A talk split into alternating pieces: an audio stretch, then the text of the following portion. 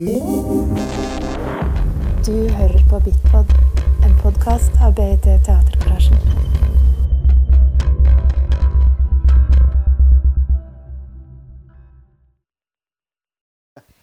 Well, good morning, everybody. I I was given instructions before I came here that I was not to have, have any notes or any props. So I put the one piece of paper away uh, before I start speaking. Now, thinking of the future at 11 o'clock in the morning is not the best time of day. It's either doing it first thing in the morning or late at night when you smoked a little something or had a bit of sex, you know, stirred the muscles. Then you're in a better mood to think about the future. But I got up this morning thinking, what shall I say to you? And I was walking around the hills of Bergen. And it's a very hilly place. I always get reminded about that when I come back here. I love the place. And I met a lady of the future. And she started to talk to me, and she said, uh, What are you? And I said, I'm an economist. And she said, Don't you know what happened in 2017? So I said, to her, I thought she was a bit crazy. I said, uh, What do you mean? We're not yet in 2017. She says, Of course, we're now in 2030. Where have you been? So she started to talk to me, and she came from a different place. And she came from a place that was called Agathotopia, the good place. Not utopia, the good place. And she said, Don't you know what happened in 2017? I said, No. She said, Well, if you remember, 2016 was the 500th anniversary of Thomas More's Utopia. It was a very joyous sort of place, but it had certain qualities, including a basic income. I said, I know that. And she said, Don't you also know that 2016 was the 400th anniversary of the death of your great, greatest person, William Shakespeare? I said, I know that. She said, Then what do you know about 2017? I said, Aha, I'm not fooled. 2017 is the 800th anniversary of one of the defining documents of our civilization. And yet, hardly anybody knows about it. This lady of the future laughed. She knows it all. And that document is called the Charter of the Forest of 1217. I hope if there's one thing I achieve in the next few minutes, it will be to get some of you to go and read it. It's very difficult in any language because many of the words have gone out of fashion and are not used. But it was the first document in history to assert the right to subsistence, the right to the commons, and was the first ecological document and the first feminist document, the first charter of demands made against the state for rights. Rights always begin as demands. And it includes the rights of widows and the rights of women for the first time in history. Why don't we all know it backwards, forwards, sideways? Anyhow, she told me, she said, Don't you know what happened in 2017? I said, No, I haven't been there. She said, Well, this was the year when globalization had reached the point where the insecurities and inequalities had reached such a point that there could only be a revolt. And it was a revolt by the precariat. Because it was the first time when more than 50% of the people of Europe were in the precariat. I said, I know about the precariat, I wrote about it. But she said, But do you remember the details? So I tried to say them.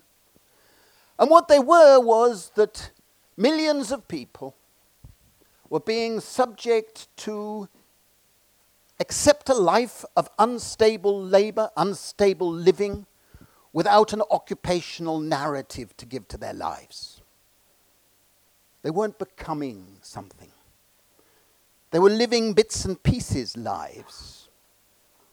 They were having to do a lot of work for labor and work for the state that were not recognized as work or remunerated as work. They were doing labor that was below the level of their qualifications and education. That's being in the precariat. Moreover, they were experiencing stagnant real wages, volatile wages, without access to benefits, pensions, paid holidays, paid medical leave, and all the things that the 20th century had accepted as the growing norm. They were facing chronic uncertainty. Uncertainty is something uninsurable. It's stressful. And the precariat suffered from the precariatized mind that art tried to understand. The precariatized mind is you don't know what is the best thing to be doing with your time. Should I be doing a little more of that, a little more of this, a little more of that? No, I don't know because I don't know what's the best course for me to take. Only art can capture that process of stress and existential insecurity. But above all, the precariat were supplicants. A supplicant is somebody who must obtain something by prayer, by asking, by pleading, by asking for favors. In the famous Chinese tradition, bow so low that the emperor does not see you smile. Stigmatizing, humiliating, but that's the precariat.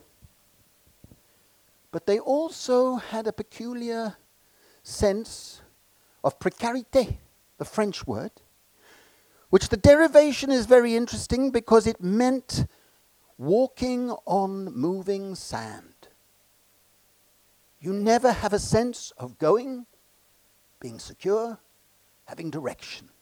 You're sinking. But the precariat was getting very angry in 2016.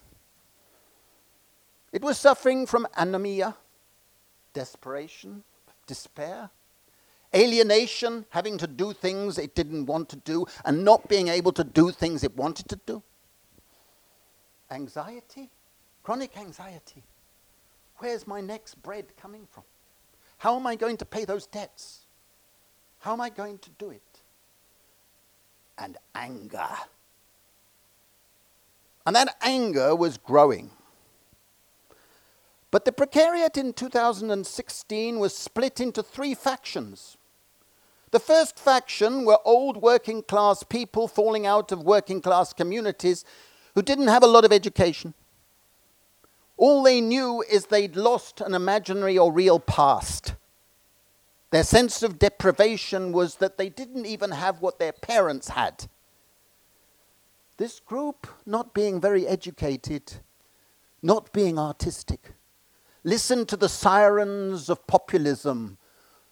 A certain Donald Trump was their leader in 2016. A jackass, an idiot, a misogynist, a despicable creature. And yet, he was able to attract millions of people to support him. Art could not capture what this group was all about, but it feared that group. The second part of the precariat were the nostalgics the refugees, the migrants, the minorities, the disabled. They had no sense of home, no sense of belonging. And every now and then they exploded in days of rage.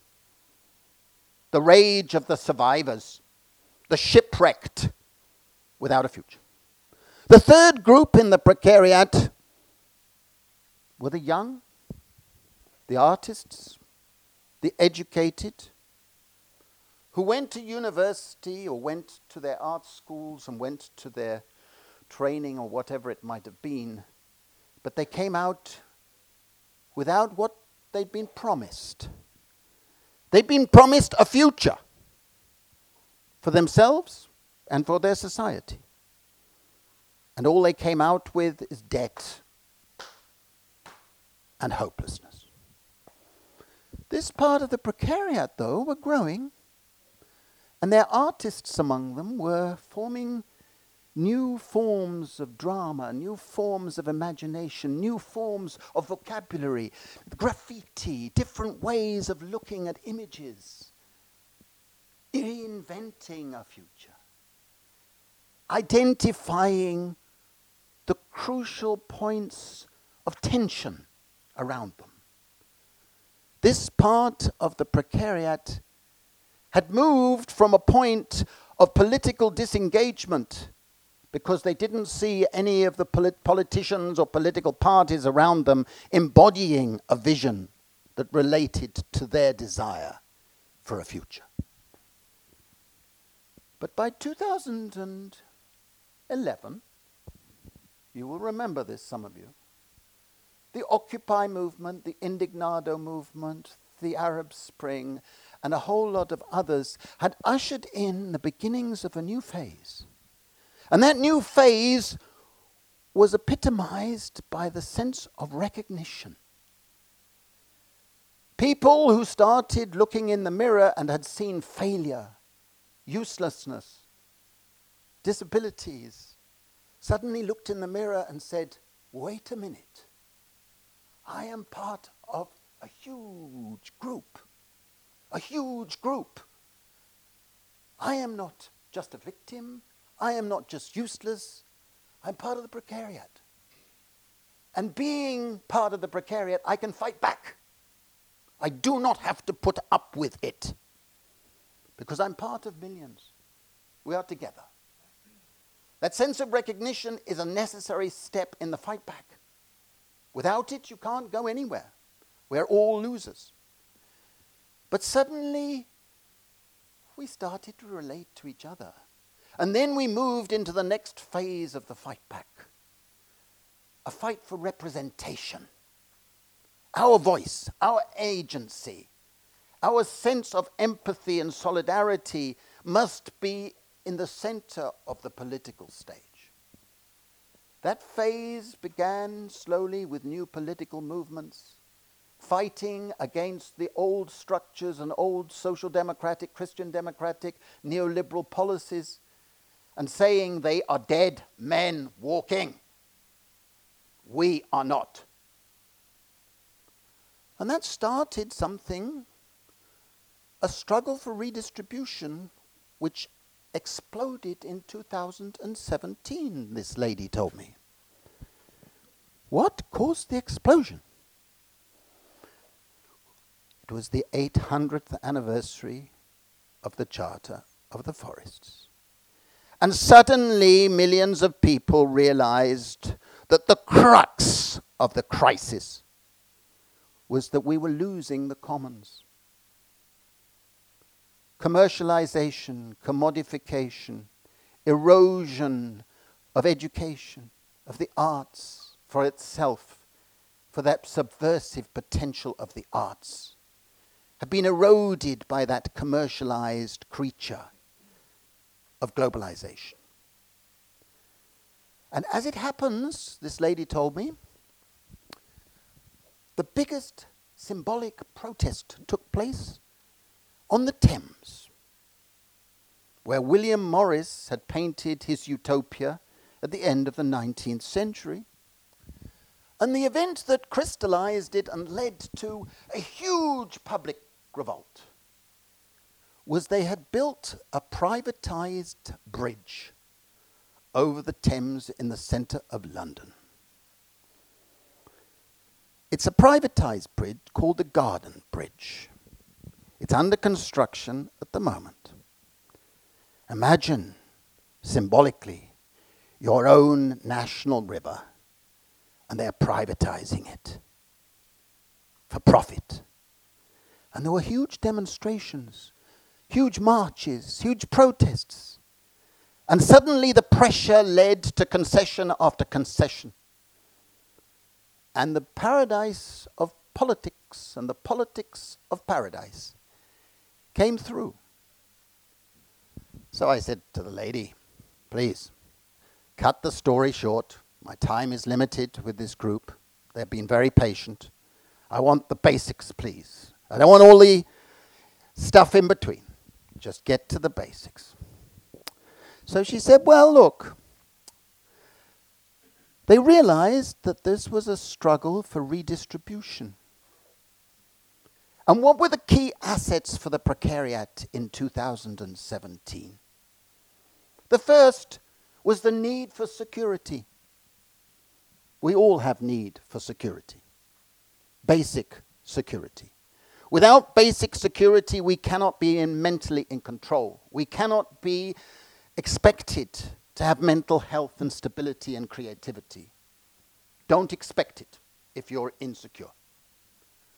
And this was the powerful motive for introducing a basic income, a right of every man, every woman, every child to have a basic income paid monthly without conditions as part of Republican freedom. The freedom to be non dominated, a vital freedom. Security is one thing. She said, but they also had to be a politics of time. Something that art needed to capture in dance, in poetry, in drama, in many other ways. A politics of time being in control of one's time instead of being constantly under stress. A basic income helped in that regard particularly because it reinforced the values of work against the dictates of labor. Work, remember, is all the activities of reproductive and productive activities, the care for the community, the creative energies, not just labor. The great thing, she said, was people began to mock the 20th century images of work. The 20th century was the most idiotic century in the history of humanity for saying what was work and what was not work. Only labor done for bosses counted in the statistics in the national accounts. So all the work that we want to do has been relegated. It's not work. In our statistics, our national accounts, in our textbooks, all those professors talking about work. She said one of the great things was suddenly reconceptualizing work as the values of reproduction and the values of care and creativity was reinstated. And she said there's one thing more. It also reinstated the value of schole, leisure, over pure consumption. Leisure means participating in the polis, the life of the city, with thoribus, energies, exchanges. This was a great move, she said, because it freed up, it liberated the human mind, the human spirit, and the connectivity between people. She said the next thing was the struggle for quality space. This was the precariat's great achievement.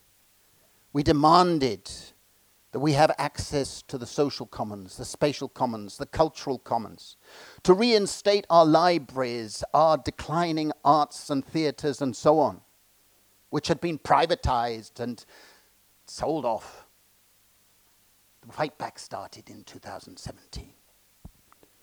And then she said the next big struggle that was won in the precariat revolt was a revival of education. In the preceding 30 years, the education system as a system of liberation and extending one's personality and one's creativity through ethics and civics and philosophy and art had been denuded in a human capital industry. And the human spirit had objected, but nothing had been done. In 2017, the Precariat Revolt said, Enough is enough. If we continue to turn our education system into a schooling industry, Donald Trump is going to win. Because more and more people will emerge from university and college without the capacity to be political, without the capacity to enjoy art, without the capacity to understand the subversive qualities of art. And once you lose that capacity, as the ancient Greeks understood, you lose the capacity to be civilized. And in 2017, apparently, people got angrier than I've just been. And they fought for a revival of education. And the final thing they achieved in that revolt of 2017 was they overthrew rentier capitalism, which is the subject of my new book. Rentier capitalism has been extracting more and more of the income from society to a tiny plutocracy and elite through rental mechanisms that are property rights, beating production and the commons and all forms of work. It's deeply corrupt. It has nothing to do with free markets. But it took this revolt to say we don't need rentier capitalism. It is a parasite on our societies. Now, she got a bit angry, this lady. But at the end, we had a coffee. And she said, You know, in one of your books, you said human progress comes from dreaming of the impossible, not from the slaves of the possible. That's what we did in 2017. Thank you very much.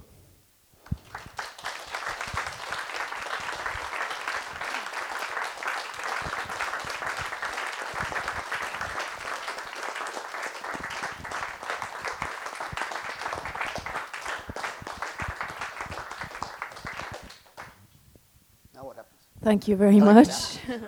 what do you feel like doing? Um, we open up for questions. You can uh, you can come down from the pallet if you want, or you can. I'm getting used to it. Yeah, you can you can stay there also. Um, we are recording sound from this, so questions um, should be asked through a microphone. I will try to be mobile. The cord is a bit short, so you might have to stand up. All right.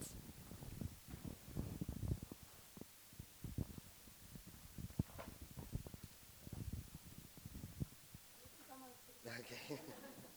you can come up here if you like. It's just very short. I wonder if the lady told you something about the state, what happened in 2017. Shall I answer one by one or take several? What, what, how do you want me to do it? Anarchy, you can choose. What, what was crucial in 2017 was the realization by the precariat and the movements that developed around the precariat, like Alternativet in Denmark, Podemos in Spain, and Razem in Poland, and so on, and the others. So they realized that the state was the primary antagonist. Not like the old proletariat of the 20th century, who regarded the employer the boss as the antagonist. The boss could change tomorrow. In many cases, the boss of yesterday might be working alongside you tomorrow, or he might be saying yes, sir, to you. But the state has been doing all these policies of rentier capitalism and so on. And it was against the state that this revolt took place. I'm glad you raised it. It's not this government, not necessarily the government as such, but all the institutions of the state, including supranational institutions. The state is where the action is. I don't know if that answers your question, but it's essentially that is the primary antagonist for the precariat.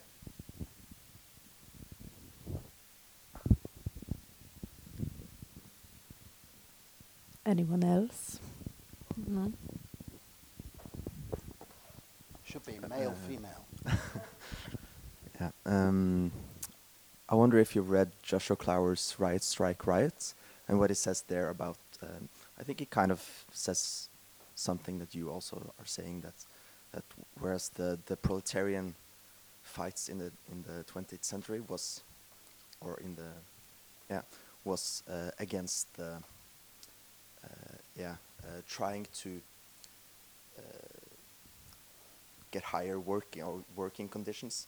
Now the, the protests of the 21st century is is more directed towards uh, setting the price of commodities. It's it's not against the, the boss as you're saying. It's against uh, like shop windows, against the police. It's it's not the, the labor union kind of action. It's it's the, the streets. I mean the yeah. I, I wonder if if if if what is happening there is that a significant change, or is it just something that's going to go over? Do we have to go back to the labor unions in some way? Do we have to rely on them in some way? Yeah. Uh, thanks for the question. I, I don't know that particular uh, book, but I know the theme. I, I I'm quite critical of the labor unions, and trade unions over the past 20, 30 years, but I've always been a union person because we need collective voice. We are always vulnerable if we don't have collective representation, and you are a fool if we think differently. We need collective bodies. But the labor unions lost the plot. They were laborist, sexist in fundamental terms, even though they promoted women, blah, blah, blah. But they still remain sexist because of their orientation. And they're hierarchical. And I'm about to go and address a, summit of trade union leaders from around the world, so I'll need some thick skin uh, for that particular day. But we need some sort of unions. And at the same time, the unions need to transform themselves to realize that they're not fundamentally about wage bargaining anymore. Real wages in our countries, in Europe, will not rise in the foreseeable future. Maybe a little bit, you know, bumping along. But under globalization, our real wages, and particularly for the precariat, will continue to decline. If you realize that in France, in Germany, in Britain, in the United States, in most countries, real wages have been stagnant for the past 30 years. And that's the result of globalization.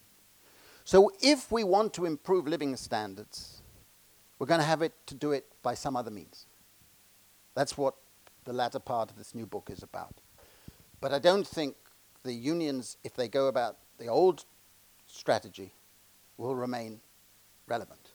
And that is why, if I'm addressing a precariat group, usually, if I want to drive everybody to a bar, I start talking about the unions because they think they're useless. But they must change, and we need collective bodies. I don't know if that answers your question, but, it's, but it, I think it's a different strategy that's needed by unions. Please, at least one. Ah, good. Um,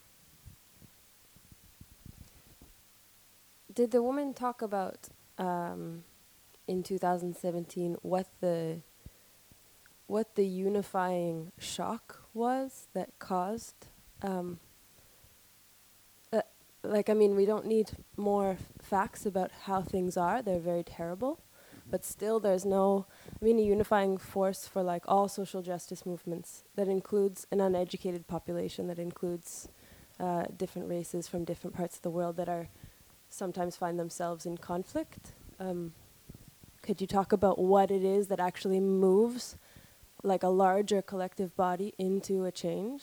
Yeah. I, that's, a very good question. I tried to say what she said near the beginning of my talk. yeah, I think I might have missed it. no, no, exactly, exactly.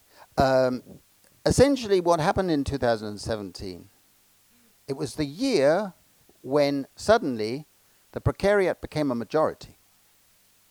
It's been growing for the last 20 years. I've just examined a PhD dissertation of the precariat in China. And they reckon now that many countries are getting to the point where about 50% of people are in or around the precariat. So it suddenly becomes a potential majority. That's an important phase. The other thing was, as I understood what she was saying, is you need not only for the old paradigm to break down, you know, as in scientific revolutions, the old paradigm must break down, but you must have a new paradigm in the wings to replace it for a, in order to have a successful revolt.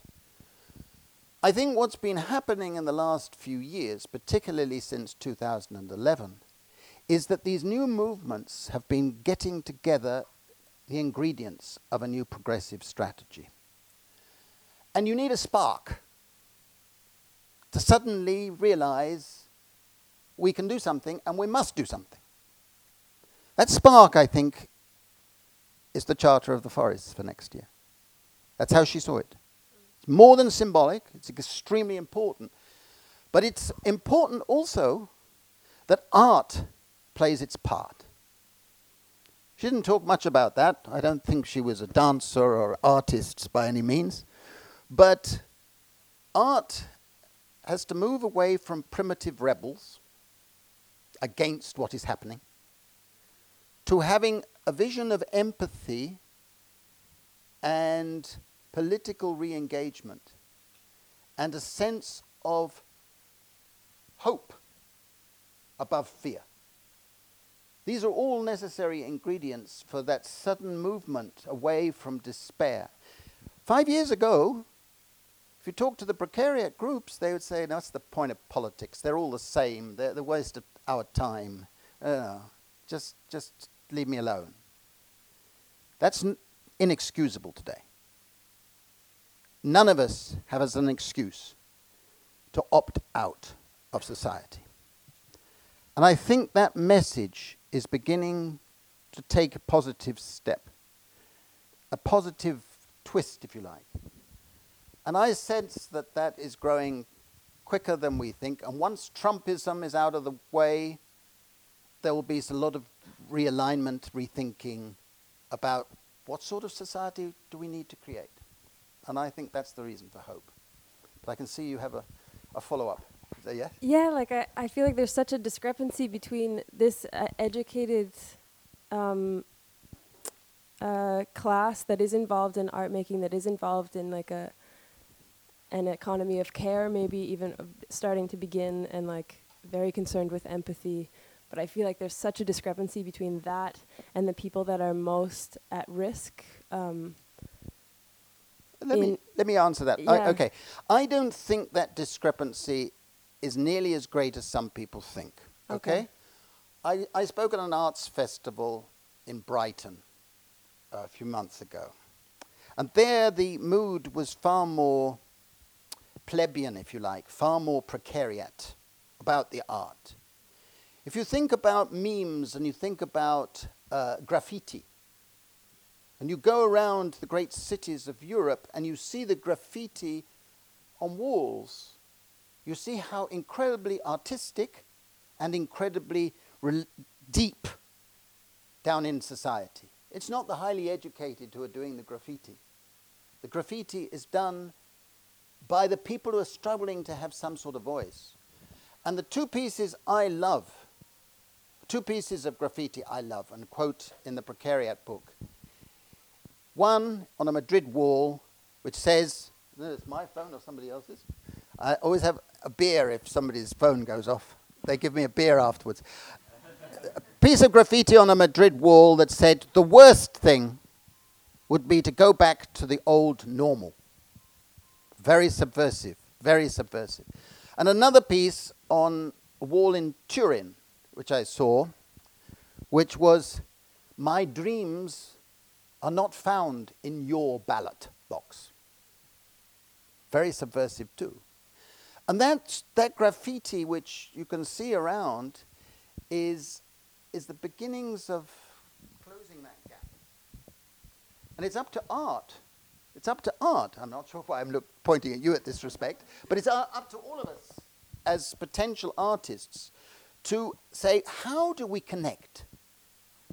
Because building alliances on particular subjects, on particular issues, is it going to be vital. But I think the third part of the precariat is growing relative to the other two. You see? That's the enormously significant thing. Because more and more people are going through university and college, and they're entering the precariat. But those numbers are growing. And they come from different backgrounds, and that is helpful. Any more? Anyone from over here? Yeah. There's no escape.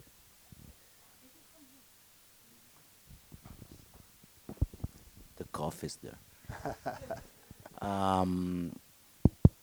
Could you give an example of uh, um, a similar collaboration or similar cooperation of art and uh, revolution in the past, like a moment in the past it was clearly revolutionary, and an example of art that somehow was working to that together as you're proposing for 2017? Yeah, I like that question. If you look back historically, yeah, yeah, yeah. This way. I- If, if you look back historically, all the great transformations, and we're going through a global transformation now, have been articulated by art in a very important way. Look back at the beginning of the 19th, beginning of the 19th century, when Mozart was his revolutionary operas and the romantics, the poets, all of those poets, and Byron and, and the rest, Shelley, they captured something that was important additionally to what was happening in the politics.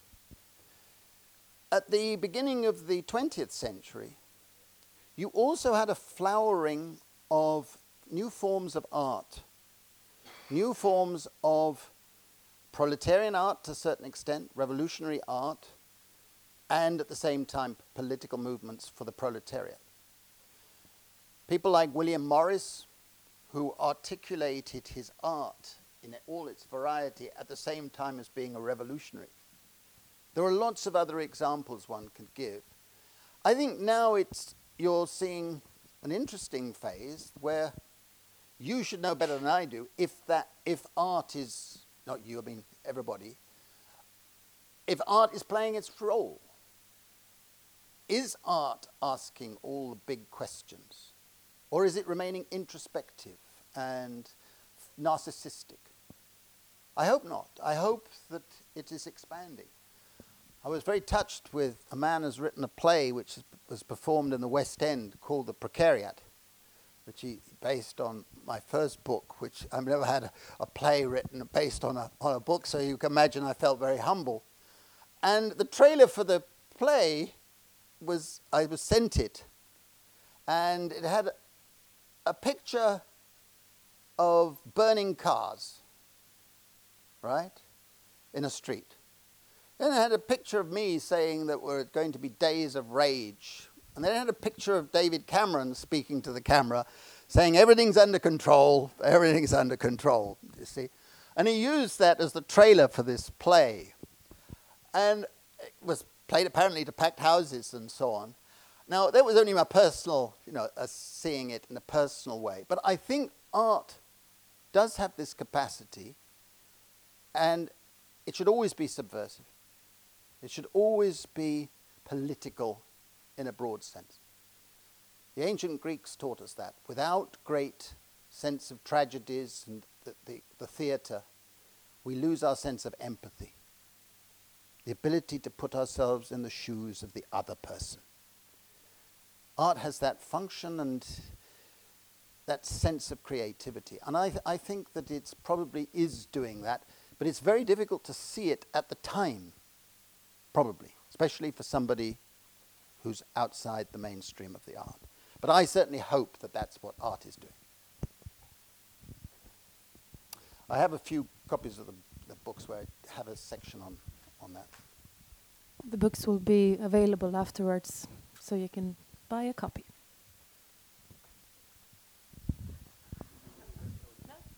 Uh.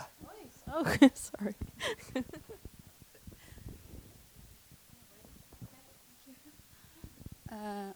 I, I need a little bit help to imagine if uh, how how she knew about it, like if it was she was there when it happened, or it was uh, she heard it from news, a documentary. she was very well educated.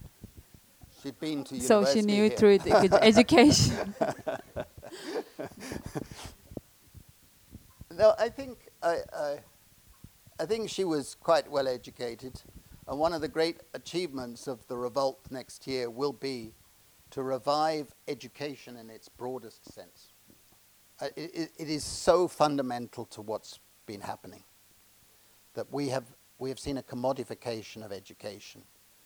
That you know, I because of the books I get to speak at universities around the world, and it's shocking how many people have no sense of their own history, no sense of philosophy or ethics or their arts, their own country's arts, their own community's arts. It's truly shocking. And that revolt next year really will put that central.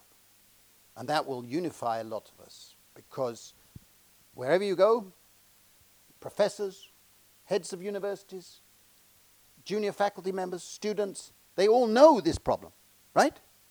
We all know it. And yet, it's been allowed to continue. And that will happen next year.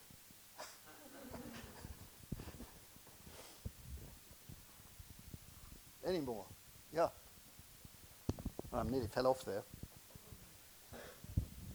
Yeah, be careful. so um, I'm a little bit curious about the structure of this new society.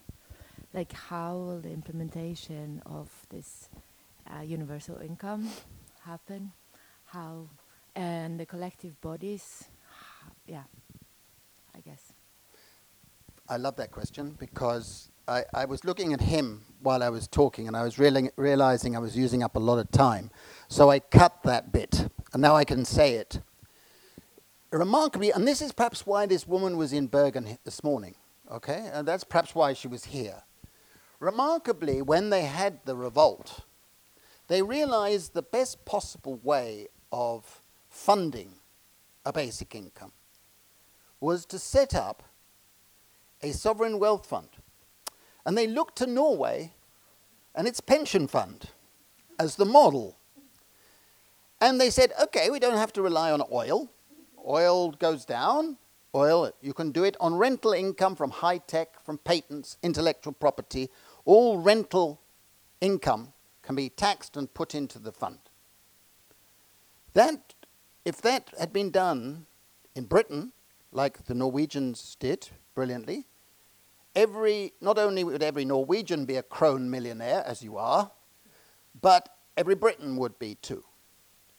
Now, we have the capacity to create sovereign wealth funds, democratically controlled, with committees of ethics, with prescriptions on investments, and so on, and build up the capacity to pay out the div- social dividends to every individual, like they do in Alaska. Alaska has its permanent fund, which it's misused with the politicians because they've used it to cut taxes to zero. But until they did that, while they had the oil coming in, every Alaskan man, woman, and child receives each year effectively a basic income. And when they started the fund in Alaska, Alaska had the highest poverty rate in the United States and the worst inequality in the United States. Today, as a result of the fund, it has the lowest inequality in all states of the United States and the lowest poverty rate. But they mishandled it by using part of the proceeds cut taxes to zero. So now, when the oil prices have gone down, they're going to have difficulty funding other public expenditure. But that's, that's governance failure, not a failure of the concept. Your fund happens to be a very good way of paying for it. But as I've argued in the book, there are many other ways of paying for it. The huge subsidies that every one of our countries pays out to plutocrats and plutocratic corporations and elites, huge subsidies for which they've done nothing. You could take them back and start building the capacity to pay for a basic income for ordinary people. There's no, you don't have to be Einstein to work it out. Essentially, we could do it if we had the political pressure to do it. And I think that that's where we've got because the insecurities are getting explosive. I got invited this year, I'll make myself even more unpopular by what I'm about to say. I got invited by the Bilderberg Group to go and speak about the precariat.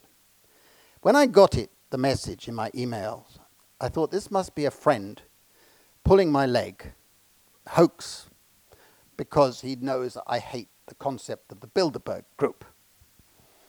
And then they phoned me up and said, no, no, no, it's not a hoax. We, we, we want you to come to address the Bilderberg Group.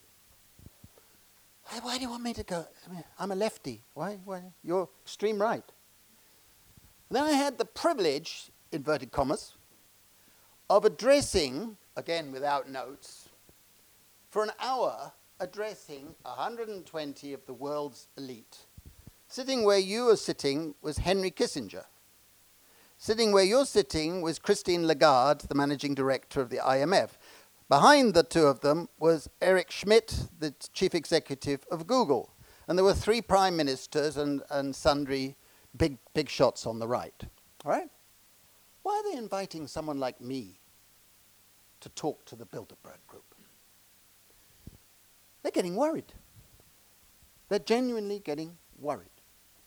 And you'll see in the preface of my new book, if you're interested, that some of these billionaires are having nightmares. So I got invited to another occasion, and I stood up to speak. And I, I, the bloke next to me, I said, I know this chap. I've seen him. It was Al Gore. And what am I doing speaking with Al Gore listening for an hour, right? I mean, that doesn't happen. On a soapbox, yes, but, you know. And he stood up at the end and he said, I think I agree with your analysis, and we must deal with this stuff because it's getting worse. Again, they're not inviting me because anything I, they're getting worried. That's great. The more of them that can get worried, the better. But it's up to us to make them more worried. That's the reality. That's where we stand today. That's why that woman was so wonderful. I don't know how she got to Bergen, but you know.